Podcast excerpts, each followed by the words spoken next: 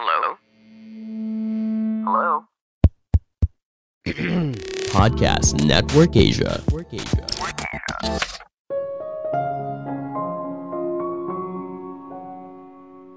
Halo semuanya, nama saya Michael. Selamat datang di podcast saya, Sikutu Buku. Kali ini saya akan membahas bagaimana masa depan Twitter setelah dibeli oleh Elon Musk. Pada awalnya, Twitter merupakan tempat di mana para underdog bisa menantang mereka yang punya uang dan kuasa. Namun sekarang, Twitter telah dimiliki oleh salah satu orang terkaya di dunia yang punya kuasa penuh menentukan ke mana Twitter akan bergerak di masa depan. Sebelum kita mulai, saya mau mengucapkan terima kasih buat Mariko from Enggo Ventures, Shanti, CB46 Motor Injeksi yang sudah memberikan 10 es krim strawberry. Special thanks juga buat Damianus Gozali yang sudah memberikan 100 es krim strawberry.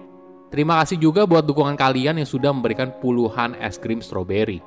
Buat kalian yang mau dukung Sikutu Buku, bisa kirim es krim strawberry mulai dari 9.900 saja. Info lengkap ada di kolom komentar ya.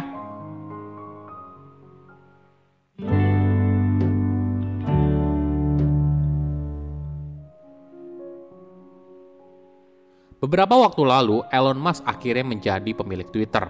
Ini merupakan kisah yang panjang dari yang awalnya tertarik, lalu menolak habis-habisan hingga akhirnya jadi membeli. Untuk memahami bagaimana masa depan Twitter, mungkin kita perlu mundur sebentar untuk mencari tahu bagaimana awal mula Elon Musk dan Twitter.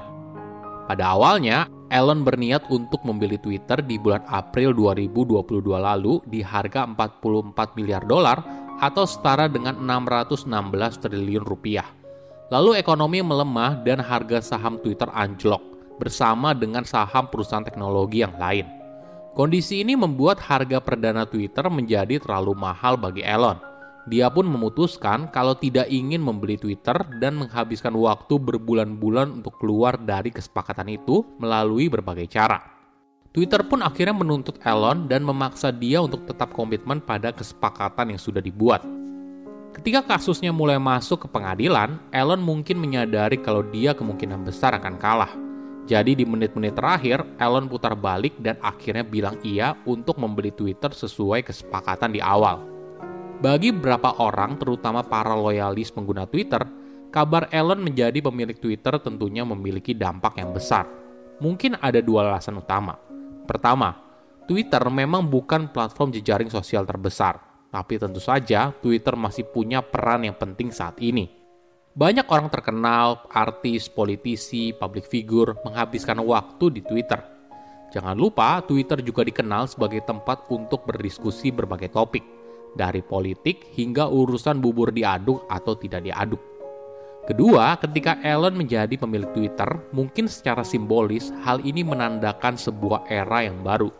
Ingat, salah satu bagian identitas dari Twitter merupakan gerakan disruptif akar rumput.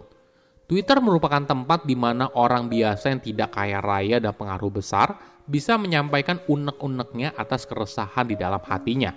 Dari situ mungkin saja menjadi sebuah gerakan yang bisa membawa perubahan.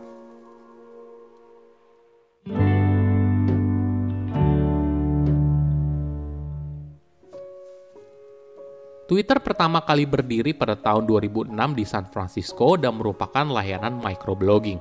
Di beberapa tahun awal, Twitter yang kita kenal jauh berbeda. Isinya masih berisi para pengguna mengunggah status, entah baru saja makan siang, pergi ke taman, dan sebagainya. Namun ada yang berubah pada tahun 2011. Di tahun itu, boleh dibilang para aktivis di berbagai belahan dunia baru sadar kalau Twitter merupakan medium yang kuat untuk menyampaikan aspirasi mereka yang tidak bisa ditampung atau difasilitasi melalui kanal resmi via pemerintah. Kita bisa lihat kalau Twitter bersama media sosial lainnya punya andil yang besar dalam menggulingkan pemerintahan di dunia, misalnya di Tunisia, Mesir, dan Libya. Bahkan di Mesir, Twitter memiliki peran penting dalam menyampaikan apa yang sebenarnya terjadi di sana dan menjadi medium untuk menggalang protes. Tidak hanya di Timur Tengah, pada tahun 2013 dan 2014, Twitter menjadi medium untuk menggalang protes Black Lives Matter di Amerika Serikat. Lalu gerakan itu menyebar ke seluruh dunia. Apa yang akan terjadi dengan Twitter di masa depan? Mungkin kita harus memahami dulu apa alasan Elon untuk membeli Twitter pertama kali. Ada satu masa di mana Twitter menjadi sebuah tempat yang liar dan tidak terkendali. Twitter berisi kampanye pelecehan, ancaman, dan teori konspirasi menyebar di mana-mana. Semua itu akhirnya mendorong Twitter untuk membuat aturan demi mencegah pelecehan dan hate speech. Tidak hanya itu, Twitter pun tidak segan melarang secara permanen beberapa figur yang dianggap berulang kali melanggar aturan tersebut. Mungkin contoh yang paling terkenal adalah saat Twitter melarang mantan Presiden Amerika Serikat Donald Trump di Twitter. Hingga pada bulan Maret 2022, Twitter mensuspend sebuah akun bernama The Babylon Beast ketika akun itu membuat bercandaan transfobik tentang pejabat administrasi Biden yang transgender. Sebagai informasi, ini adalah akun komedi satir yang menyerang kubu Demokrat dan merupakan akun favorit Elon Musk. Keputusan ini mungkin menjadi titik balik bagi Elon dia tidak lagi mengeluh soal Twitter yang semakin ketat dan membatasi kebebasan berbicara. Tapi dia ingin membeli Twitter dan membebaskannya dari rezim saat itu. Inilah yang mungkin jadi indikasi Twitter di masa depan, di mana Twitter akan lebih melonggarkan kebijakannya soal moderasi konten.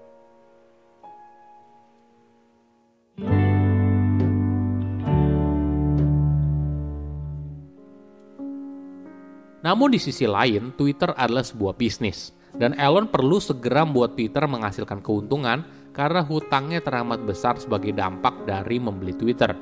Misalnya, beberapa minggu lalu Elon mengumumkan kalau pengguna harus membayar 8 dolar atau setara dengan 112 ribu rupiah per bulan sebagai biaya layanan centang biru yang merupakan tanda verifikasi di Twitter. Selain sebagai tanda kredibilitas, manfaat lain yang diterima adalah jumlah iklan yang lebih sedikit, bisa menyebarkan video dengan durasi yang lebih panjang, dan menikmati konten gratis pada perusahaan media yang bekerja sama dengan Twitter. Di kesempatan lain, Elon juga sempat menyinggung transformasi Twitter untuk menjadi bagian dari super app. Dia sempat memberikan contoh WeChat sebagai perbandingan. Sebagai informasi, WeChat yang dimiliki oleh perusahaan teknologi besar bernama Tencent merupakan sebuah aplikasi yang memiliki sistem ekonomi digital yang penting bagi masyarakat Cina. Semua layanan di satu aplikasi, bisa sebagai aplikasi bertukar pesan, App Store, web browser, semua dalam satu aplikasi. Perlu digarisbawahi, ini merupakan mimpi berbagai pendiri perusahaan teknologi yang lain, entah itu Evan Spiegel dengan Snapchat atau Mark Zuckerberg dengan WhatsApp-nya. Bahkan WeChat sendiri mencoba mereplikasi apa yang dilakukan di Cina di negara lain, tapi tidak berhasil. Salah satu alasan utama Elon mengejar model bisnis WeChat adalah karena sistem pembayaran. WeChat mendapatkan uang karena menjadi jembatan dari berbagai transaksi, entah untuk sewa menyewa, pembelian makanan, tiket konser, baju, dan segalanya. Kemungkinan lain untuk masa depan Twitter adalah menuju video. Saat ini hanya sedikit orang yang berpikir kalau Twitter adalah platform yang bagus untuk video. Namun, Elon mulai mencari cara bagaimana video bisa menjadi bagian penting dari Twitter, sehingga bisa menarik kreator yang sekarang aktif di YouTube dan juga TikTok. Ini adalah ambisi Elon untuk membuat Twitter masuk ke dalam kreator ekonomi. Pada akhirnya, Elon adalah konglomerat yang sulit diprediksi. Jadi, apa pun bisa saja terjadi di masa depan. Saya undur diri, jangan lupa follow podcast Sikutu Buku. Bye-bye. Hai kamu, para pendengar Sikutu Buku yang selalu haus akan pengetahuan. Salam kenal dari podcast Stoikas ID dengan aku, Sita Putri. Dalam podcast Stoikas ID, aku ngobrolin tentang filsafat stoikisme. Tapi tenang aja, pembahasannya ringan kok karena berkaitan erat dengan kehidupan sehari-hari. Sehingga filsafat stoikisme sangat bermanfaat untuk kamu terapkan dalam mengatasi kegalauan dan kekhawatiran dalam hidup. Aku tunggu kamu di podcast Stoikes ID ya. Pandangan dan opini yang disampaikan oleh kreator podcast, host, dan tamu tidak mencerminkan kebijakan resmi dan bagian dari podcast Network Asia. Setiap konten yang disampaikan mereka di dalam podcast adalah opini mereka sendiri dan tidak bermaksud untuk merugikan agama, grup etnik, perkumpulan, organisasi, perusahaan, perorangan, atau siapa pun dan apa pun.